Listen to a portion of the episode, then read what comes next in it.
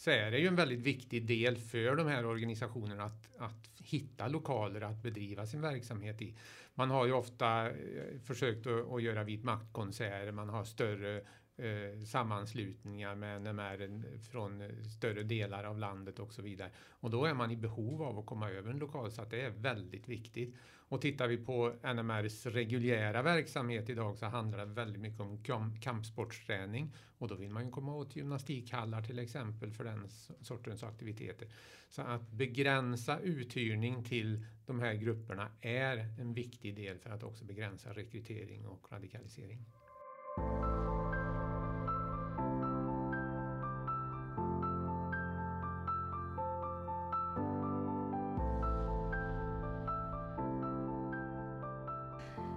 Och välkomna till Agera-podden. Det här är då en podcast där vi på Agera Värmland tar upp frågor inom mänskliga rättigheter, demokrati och diskriminering. Allt såklart med ett särskilt fokus på Värmland. Med idag är Lars Kärnelöv. Hallå hallå! Nine Karlsson Norman. God morgon. Per Hedin. Hej! Och jag, Hanna Finell. Eh, jag tycker att det är riktig vårkänsla idag. För vad säger vår så mycket som oförklarlig snöväder? Vet inte om jag håller med dig där Hanna. Det är väl en definitionsfråga kanske? Ja, precis. Kändes snarare som en käftsmäll att vintern inte är över än med den här snön. Det är ju faktiskt februari så att man kan väl ändå acceptera att det är vinter lite till även om det kanske känns tråkigt. Eh, jag tänker vi drar igång första segmentet med rundan med aktuella händelser. Vill du börja Lars? Ja, vad ska man plocka upp av veckan som har gått? Det är ju, vi har ju ett intressant eh, avhopp från Nordiska motståndsrörelsen. Eh, för er som har läst eh, DN under helgen så kanske ni har läst om Jimmy Tunlind som eh, har lämnat NMR som ju var en av de ledande personerna i, i ett av nästerna i Mellansverige. Eh, och eh, bara det faktum att han går till eh, DN då och berättar sin historia är ju ett väldigt svek i den här miljön eftersom DN anses ju vara en av de, de värsta tidningarna. Bonnier då, räknas då som en, en, en, en, tidning ägd av judiska intressen. Så att eh, han kommer nog att få utstå mycket spott och spe. Men det är en väldigt bra artikel. Den beskriver bra den här radikaliseringen och som sker inför ett, när man går in i en organisation. Sen också det här tvivlet som kommer när man märker att det kanske inte eh, rörelsen står för det man, man trodde. Man märker att, eh, att man inte lever upp till de strikta krav man har och så vidare. Och sen då den här processen som inleds när man bestämmer sig för att lämna. Så att, eh, eh, har ni möjlighet att läsa den DN-artikeln så gör det. Och det här är väl förmodligen inte sista ordet som sägs kring Jimmy Tunlind. I alla fall inte inne i rörelsen. Han hängs ju ut nu som en förrädare. Så att eh, han får nog se sig över axeln lite grann ett tag framöver. Eh, så att eh, det var liksom min lilla spaning. Spännande, den ska jag försöka läsa. Det tror jag är väldigt relevant för oss. Ehm, min spaning för veckan det är att det faktiskt det är ganska tunt i de, eh, jag följer en del högerextrema chattgrupper som är inriktade på att outa personer från den autonoma, då, alltså vänsterextrema miljön. Eh, med de målet att bekämpa deras budskap. Typ de vänsterextrema kanske sätter upp klistermärken och då sätter de högerextrema eller vit maktrörelsen upp egna klistermärken över det. Jag har en liten klistermärkskrig. Eller de sprider personuppgifter på mm personer som de ser som vänsterextrema online och de skickar mejl till deras arbetsplatser och vill att de ska bli sparkade och så här. Så det kan ju ha ganska stor effekt för enskilda personer som blir utpekade. Och det här ser jag lite som, alltså det är ytterligare ett tecken på att det kanske inte finns så jättemycket organiserad vänsterextremism idag. Vilket ju är bra på flera sätt. Alltså först och främst såklart eftersom då utgör ju den rörelsen ett mindre hot mot demokratin och enskilda personer och sånt. Men också eftersom att då våldsamma antifascistiska rörelser som de ser sig innebär ju då ett självrättfärdigande för fascistiska organisationer som NMR. Eh, och det kan ju också skapa större rekrytering dit. Så för oss som inte haft så aktiv eh, vänsterextrema rörelser i Värmland på länge så kan ju det vara bra eftersom det bidrar ju till en nedgång överallt. Så det, har liksom, det blir en positiv spiral för en gångs skull. Just det. Eh, Nina, vad hade du för spaning? Ja, eh, förra veckan så publicerade DO en rad faktiskt intressanta eh, ja, men både ärenden och annat som händer på Diskrimineringsombudsmannen. Men jag tänkte att jag lyfter fram speciellt ett av de fallen som är ett eh, skolärende som DO då har drivit.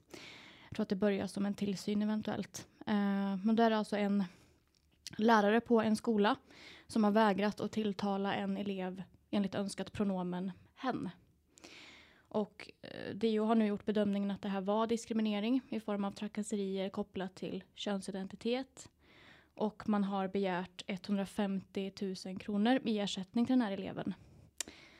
Eh, så att, eh, det är ju, tror jag, den första gången som den här frågan prövas överhuvudtaget. Så vitt jag känner till. Och som ni hör så är det ju ganska mycket pengar om att göra med. Och eh, det är ju eh, det är bra, för det ska kosta att diskriminera. Och det är någonting som vi ofta har lyft och som ja, men, många av oss ser som ett problem. Att ibland så är ersättningarna alldeles för små, helt enkelt. Um, så det, här, det här är ju en bra utveckling som DO kör på. Det här är ett av flera fall där man verkligen har höjt ersättningarna så som det ska vara enligt lagen. Så det är positivt. Det blir intressant att se tycker jag om, om eh, de skolan eh, går med på det här Mm. kravet eller om det faktiskt blir så att DO kommer att stämma i domstol.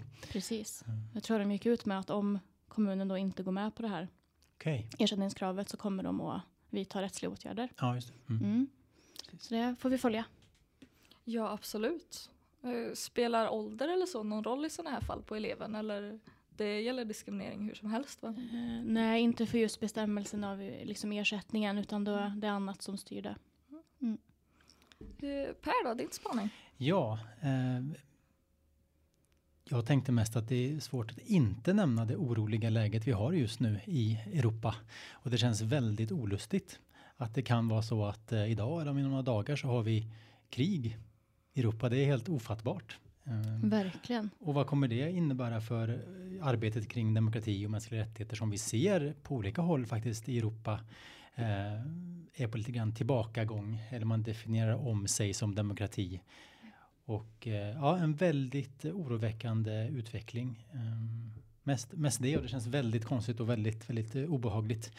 Och man vill ju verkligen att eh, man ska kunna undvika en, en väpnad konflikt eh, på alla, alla sätt. För tänk vilket lidande det kommer innebära och för, för de människorna i Ukraina och eh, men även andra länder som kommer påverkas då eh, såklart. Eh, och även säkert vi här i, här i Sverige och att säkerhetsläget förvärras och kanske ett nytt, inte bara kallt krig utan eh, en, en eh, mer konfliktbaserad världsordning. Så det, är- ja, det är oroväckande tycker jag och väldigt eh, obehagligt.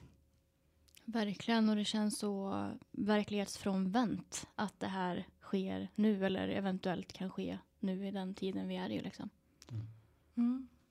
Det kan ju också leda till att vi får en ny sorts, eller ny sorts, men en sort, annan sorts krigsresenärer än vad vi är vana. Vi hade ju vid förra konflikten, när, när Krimkonflikten bröt ut och, och så har vi ju sett att eh, högerextrema från Sverige har rest och deltagit i olika nationalistiska milisgruppers eh, kamp, både på den ryska och den ukrainska sidan, eh, vilket är lite besynnerligt. men, Ja, det är ju eh, särskilt intressant ja, att man liksom inte man- riktigt... Nej, man har Någonstans ingen, ska man stötta, men man vet har inte exakt ingen var. riktigt tydlig linje där, men det är ju en risk som, som vi löper att det, det lockar eh, personerna att sticka iväg. Just det. Ja, det är mest att lyfta det. Det är oroväckande och vi håller alla tummar och hoppas att det ska, ska gå bra. Ja, ja, det har ju långtgående konsekvenser. Det är svårt att, eh, att nämna det, det kort. Men jag tänker att vi ändå hoppar vidare till dagens tema. Får inte fastna allt för länge på omvärldsläget. Och det här blir ju en lite mer lokal fråga idag på huvudtemat. Eh, det är nämligen lokaluthyrning till extrema organisationer som då till exempel NMR som är aktiva här i Värmland.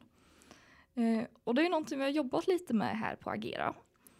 Eh, Tillgång till en lokal så är väldigt viktigt för extrema rörelser eftersom det kan utgöra ett nav för olika aktiviteter de vill göra. Och det är också en samlingsplats som skapar gemenskap och kan leda till ökad rekrytering för extrema rörelser. Så. Eh, och då för att förebygga rekrytering till våldsbejakande rörelser och också för att hjälpa folk att lämna eh, så kan att låta bli att upplåta lokaler till sådana här organisationer vara ett väldigt viktigt verktyg. Men frågan är ju då, kan man säga nej till någon som vill hyra lokal? Jag lämnar ordet fritt. Ja, det kan man. Eh, med viss tvekan. Eh, jo, det, det beror ju på eh, om vi pratar också om kommunala eller om vi pratar om privata uthyrare. En bygdegård, en hembygdsförening eller någon annan, de, har in, de behöver inte ha några speciella eh, bestämmelser kring uthyrning utan där kan man välja vem man hyr ut till. Man kan välja att inte hyra ut och man kan välja att, att säga nej. Så att eh, eh, där är det inga speciella regler som gäller egentligen, även om det även för, för bygdegårdar är väldigt bra att ha en policy, särskilt om, eh, som stöd för den som sitter som ansvarig uthyrare, oftast kanske en enskild person som, som får en påringning och, och att då själv ta ett beslut om man känner att det här känns lite märkligt eller olustigt. Det är inte så enkelt, men har då föreningen i förväg tagit ett beslut på ett förening, en föreningsstämma skrivit ner tydliga riktlinjer då är det också mycket enklare för den som är ansvarig för uthyrningen att säga ja eller nej. Så att tydliga regler eh, är bra i vilket fall som helst. Och när vi pratar om kommuner så är det ett, eh, ett fullständigt villkor egentligen för att kunna reglera sin uthyrning. Men även kommuner har inget krav på sig att hyra ut lokaler. Däremot om man gör det så måste man göra det på ett likvärdigt sätt till alla. Det betyder inte att alla kan och får hyra, men eh, har man då en tydlig policy som man tillämpar på samma sätt oavsett vem som vill hyra, eh, utgår från ett lik liknande resonemang till alla hyresgäster, då kan man ha begränsningar. Eh, det man kan luta sig mot är något som vi brukar kalla för ett demokrativillkor eh, som finns uppställt. Eh, det går att hitta i Eh, eh regeringens demokratiutredning eh, Eh, kan man hitta eh, hur ett demokrativillkor ska, ska utformas. Och då kan man utgå, utgå från alla människors lika värde, att man ska eh, eh respektera att alla ska få möjlighet att delta på aktiviteten och så vidare. Så där, där hittar man ett utrymme att begränsa för extrema organisationer. Men det är en snårig juridik och det är inte alldeles liksom sådär solklart. Men Eh, Eh, man har ändå kommit fram till på både SKR och andra jurister att om man har det här tydliga regelverket i förväg och tillämpar det på ett likvärdigt sätt, då är det okej okay att säga nej. Hur stort har problemet varit här i Värmland kring eh, extrema organisationer som, som hyr lokaler? Eh. Ja, om jag fortsätter så, så är det ju en väldigt viktig del för de här organisationerna att, att hitta lokaler att bedriva sin verksamhet i. Man har ju ofta eh, försökt att, att göra vit maktkonserter, man har större eh, sammanslutningar med NMR från större delar av landet och så vidare. Och då är man i behov av att komma över en lokal så att det är väldigt viktigt. Och tittar vi på NMRs reguljära verksamhet idag så handlar det väldigt mycket om kampsportsträning och då vill man ju komma åt gymnastikhallar till exempel för den sortens aktiviteter. Så att begränsa uthyrning till de här grupperna är en viktig del för att också begränsa rekrytering och radikalisering. Du nämnde ju det nu lite Lars att det kan vara till exempel kampsportsträning och sådär som man liksom använder lokalerna till. Eh, är det den vanligaste aktiviteten eller vad gör man i lokalerna? Ja, som det ser ut nu så har just kampsportsträning seglat upp och blivit en väldigt viktig aktivitet inom NMR. Annars handlar det ju om eh, studiecirklar, eh, större föreningsträffar eller vad man ska kalla det, där man då har olika aktiviteter och, och, och medlemsmöten. Men eh, väldigt mycket handlar om kampsport idag. Mm. Kanske särskilt för så här, särskilda grejer. Då har det varit konserter tidigare och kampsport kanske lite mer nu och sånt. Men det finns ju också ett intresse för lokaler som är mer fasta, alltså som man mer har allmänt häng i och sitter och krökar eller så. Vi har ju en i Värmland som det har varit lite problematik kring som inte var kopplad till just NMR. Men där ser man ju också att det, alltså, det kan ju också sänka värdet på lokalen för uthyraren att ha sånt. För det kan vara ganska stökigt kring den här typen av lokaler också, eller hur? Ja, vi har ju haft ett problem i, i Deje där eh, lokala gruppen Hammerskins då har hyrt in sig i en industrilokal under flera år. Och den har ju blivit ett nav för hela eh, den eh, radikalnationalistiska miljön, inte bara i Värmland utan man har ju haft inbjudna gäster utifrån också. Eh, nu har man blivit uppsagd från det kontraktet men har en, har en ny lokal på gång i Deje så att man fortsätter och kommer att ha det. Så att, och där ser vi att, att tillgång till lokaler är viktigt för rörelsen och det är ett problem för omgivningen. Ja, vi vet ju det också, alltså varför vi menar att både för rekrytering och avhopp, att det kan vara effektivt att man inte har en lokal så. Det är ju alltså för att man ska fortsätta befinna sig i den här miljön och locka till nya. Då ska det ju aktivt ske saker och man ska ses ofta och sådär.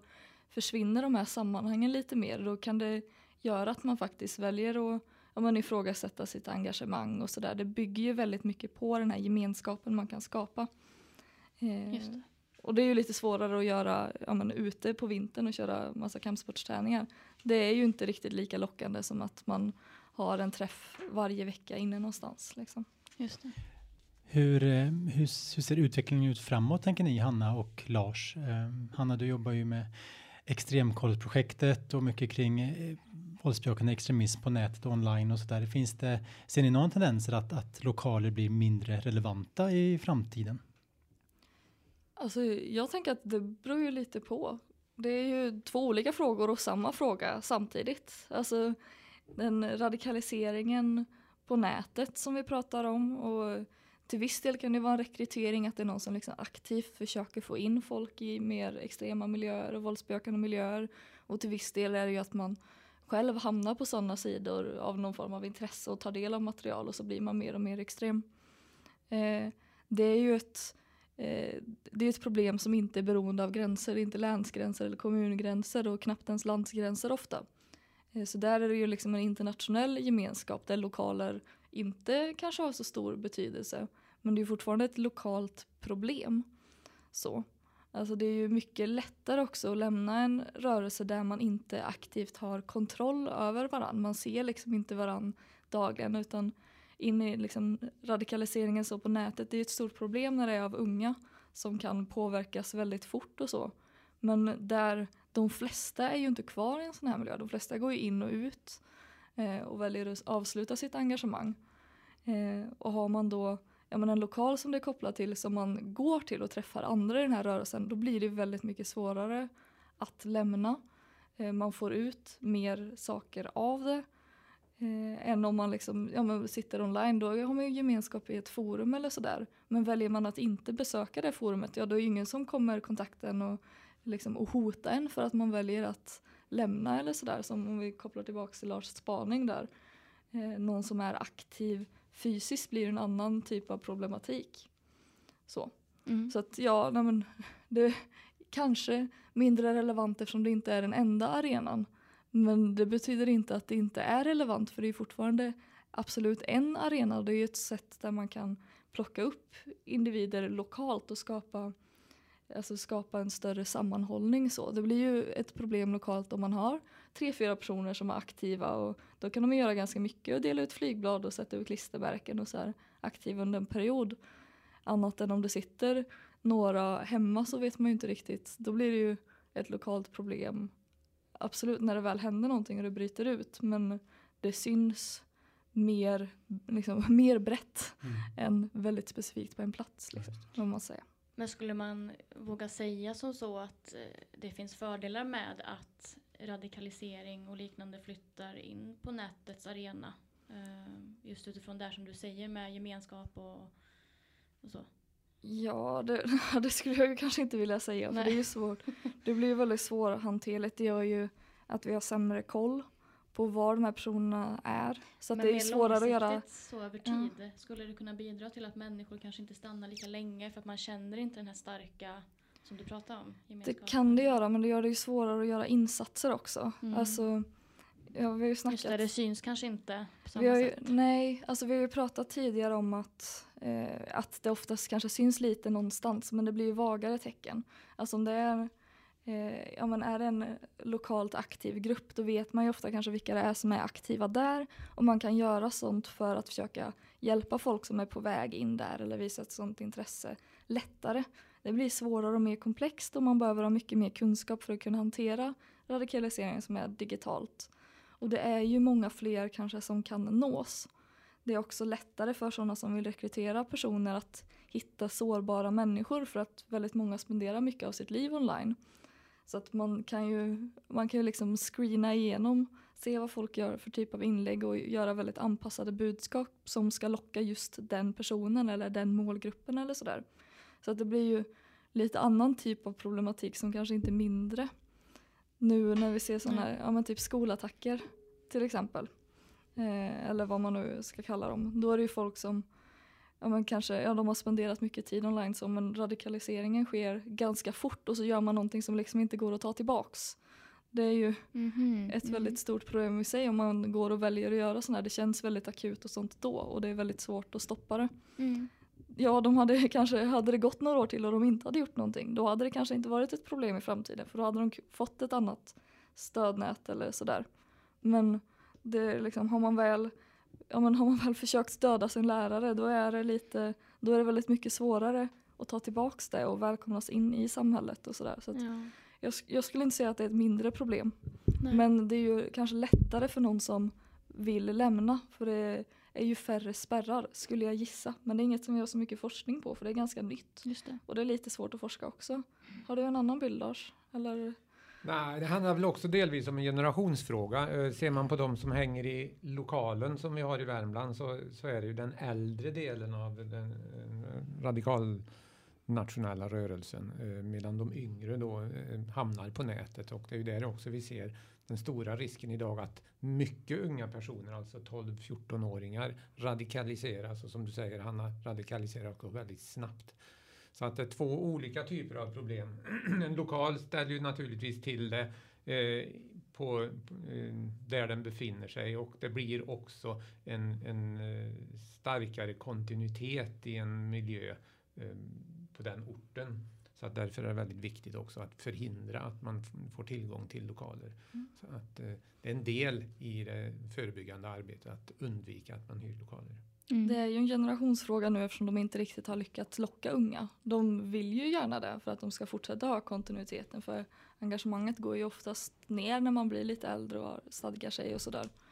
Eh, och kring lokaler kan det ju också, eh, vad jag har förstått så har man ju tidigare försökt till exempel, man kan locka med ja, men fester eller sammanhang, man kan erbjuda alkohol och sådär som eh, kan vara lockande för eh, unga personer men man har ju inte riktigt lyckats med det nu. Och det finns ju inte särskilt många fasta lokaler och så vill vi ju ha det. Vill att det förblir så. För att eh, det är inte så att vi vill att det börjar sluta vara den här generationsklyftan liksom. För då, ja, men då fortsätter ju problemet över en mer överskådlig framtid också.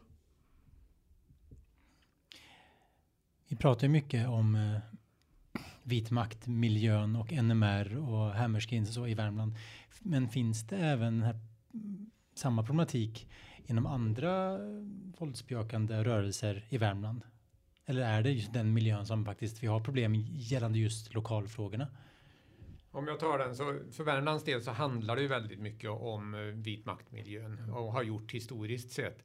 Men naturligtvis eh, om man tittar på utöver på en nationell nivå så är ju risken lika stor om vi säger att det är en autonom gruppering som eh, hyr en lokal, att man eh, blir fast på, på en, en plats och kan etablera sig på ett annat Mm. nivå. Eller som jag har sett då i vissa fall eh, källarmoskéer då som, som kan ha en, en, en underjordisk islamistisk agenda som inte eh, syns i de stora öppna moskéerna och så Mm. vidare. Så att, lokaler är viktiga för de här organisationerna för att kunna samlas när man behöver de fysiska sammankomsterna.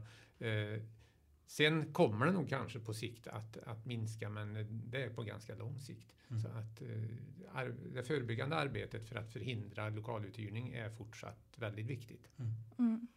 Ja, alltså om vi ska trycka på det så är det ju väldigt viktigt att man är konsekvent hur man förhåller sig till sina egna policies om man tar fram ett sånt här med demokratikrav och sånt. Det har vi inte sett några problem i Värmland än, men på andra ställen har det kunnat vara lite kritik kring det när man tar ja, men beslut som man kanske inte har motiverat väldigt särskilt väl. Så att det är ju bra att man inte gör någonting för att man tycker en åsikt är fel och därför säger nej till en organisation men släpper på någon annan med ett likvärdigt icke-demokratiskt budskap eller sådär. Så att eh, det är ju en fråga som man absolut kan få stöd i från oss bland annat. Om man funderar eller eh, läsa på själv går ju också. Ja, vi har ju tagit fram kriterier både för kommun och för privata uthyrare som vi, som vi eh, kan dela med oss av. Som, om många kommuner, eller flera kommuner har ju börjat eh, då skaffa sådana här policies i sitt arbete och bygdeföreningar och hembygdsgårdar har också och de har också dessutom stöd från sina centralorganisationer som är väldigt tydliga i de här frågorna. Så att det finns stöd att få för de som hyr ut lokaler och är ni fundersamma, sitter på någon lokal och ni är fundersamma så är det bara att höra av sig till oss så kan vi ju också hjälpa till. För det är ju inte bara eh, eh, lokaler som man hyr över mer lång sikt utan det kan ju också vara tillfälliga arrangemang som är viktiga och då är det vissa datum till exempel första maj, 6 juni, eh, kanske eh, 30 november som är Karl XIIs dödsdag. Vi har Eh, dagar i december som eh, är kopplade till eh, Furugårdsrörelsen och så vidare. Så det finns då vissa helger som naturligtvis är mer påtagliga när det gäller de här miljöerna. Och det kan ju också vara en sån sak som vi kan gå in och hjälpa till med och berätta när, när ska man vara extra på tårna. Mm. Jag tänker, ska man bara flippa på pannkakan och ta andra miljöer så, så kan det ju också vara ja, men i Eh, I typ vanliga moskéer kan det ju hända att det finns någon rekryterare som, liksom, som utnyttjar den platsen också. Alltså att det finns radikala element i någonting som fundamentalt inte är det. Men vi vet ju också att lokaler kan ju ha en positiv effekt på att skapa sammanhang positivt och sådär också att man eh, då kan plocka upp, alltså det blir ju samma sätt när vi ser till exempel fritidsgårdar. Ja, det kan ju finnas problem kopplat till fritidsgårdar men det gör ju också att man, eh, personer som vill motverka kriminalitet, extremism, droger och sånt kan finnas där och plocka upp folk och ge positiva sammanhang. För finns det ingen typ av aktiviteter för ungdomar, ingen typ av sammanhang där man kan vara och göra grejer så kan det ju leda till andra problem eller att man sätter sig själv på nätet och blir väldigt liksom, utanförskap är ju en sårbarhet så det kan ju liksom leda till andra grejer sådär också. Så att behovet av alltså positiva sammanhang, att det finns lokaler och platser man kan göra grejer på är ju väldigt bra. Så jag tänker att vi ska inte bara, eh, så här, bara lyfta ja, källarmoskéer eller så som någonting negativt. Eh, ja, förlåt, det kanske blev lite fel. För såklart att alltså, ett, ja, men ett ställe som är väldigt kopplat till eh, en radikal eh, religiös rörelse eller sådär också är ett problem precis på samma sätt som en lokal kopplat till NMR är ett mm. problem. Det, var ju inte, det är inte det jag menar. Men att det finns lokaler där man kan samlas och göra saker som inte är kopplade till någonting extremt eller sådär. Alltså att det, det finns ju ett behov för unga att kunna samla sig och göra saker. det är inte det vi vill motverka i det här. Nej. Det är det jag försöker säga. Det är inte ett, alltså, att det finns en moské till exempel ju, kan ju vara någonting väldigt positivt för det gör ju att man kan samlas kring det och få ett sammanhang som gör en mindre sårbar. Eh, även om vi har sett på vissa ställen att det kan bli problem kring moskéer också. Det är ju det man vill motverka men en moské överlag är ju inte det. Precis som en kyrka överlag inte är det. Eller sådär. Ja, det har ju varit mycket prat nu kring moskén i Karlstad och det bygget och tillstånd och liknande och just att det ändå kommit upp en del röster med just den här oron att det ska kunna vara en plats för eh, potentiell rekrytering kring eh, islamistisk extremism. Eh, men det gäller ju att kunna tänka både och här som du mm. nämner Hanna, att det handlar inte bara att det är en bara för att det är en moské eller så, utan att det är faktiskt eh, kan också vara mycket positivt att man faktiskt då har en plats och man kan eh, samverka med resten av samhället och man kan jobba tillsammans för också att motverka extremismen. Mm. Så det, man kan ju se det, välja att se det åt det hållet också. Men såklart är det jätteviktigt att man, man jobbar tillsammans för att, att motverka det. För det är klart att det finns en, en, en, en potentiell risk för det. För det har vi ju sett i andra svenska städer. Eh, mm. så, så det är ju mm. jätteviktigt att man är på tårna och samarbetar. Inte minst med föreståndarna för, för moskén. Ja precis, jag kände jag krånglade till det väldigt mycket där men det var lite den frågan jag var ute efter också. Att så här, det är ju inte en orimlig rädsla och det är ju någonting vi ska ha koll på Just det. Jag kommer tillbaka till det här med, med lokaluthyrning då. Jag tänker att det måste också kunna vara svårt för en om man har Alltså man är en privat hyresvärd som har någon, någon eh, festlokal där, där man hyr ut för eh, bröllopsfester eller andra typer av fester. Så kommer någon och vill ha, säger man vi ska ha en fest här om en månad, vi vill hyra lokalen. Det måste vara ganska svårt då att känna hur mycket kan jag kontrollera eller ska man misstänka att det här är någon eh, vit maktgrupp som nu ska ha en konsert eller har ni några tankar där om, om vad man kan, det måste vara ganska svårt. Ja, det är ju naturligtvis på ett sätt nästan omöjligt att, att veta i förväg. Men en sak som är, är bra det, att göra det och då ha regler kring att eh, Eh, lokalen måste hyras för det ändamål som man anger när man, när man hyr den. Att man då också har ett legitimationskrav och ett fungerande telefonnummer till ansvarig eh, person som hyr lokalen.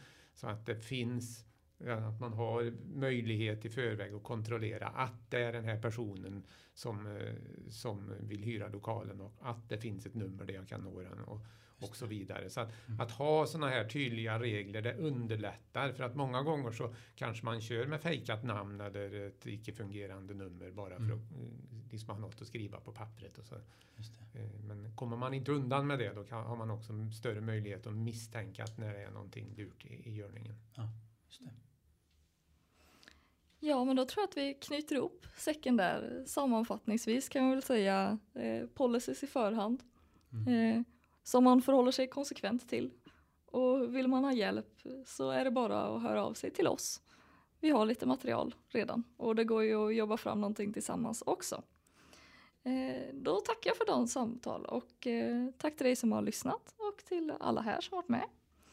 Kolla gärna in Agera Värmland på sociala medier. Vi finns på Facebook, Twitter och Instagram och du hittar också mycket information på ageravärmland.se. Hej då! Hej då!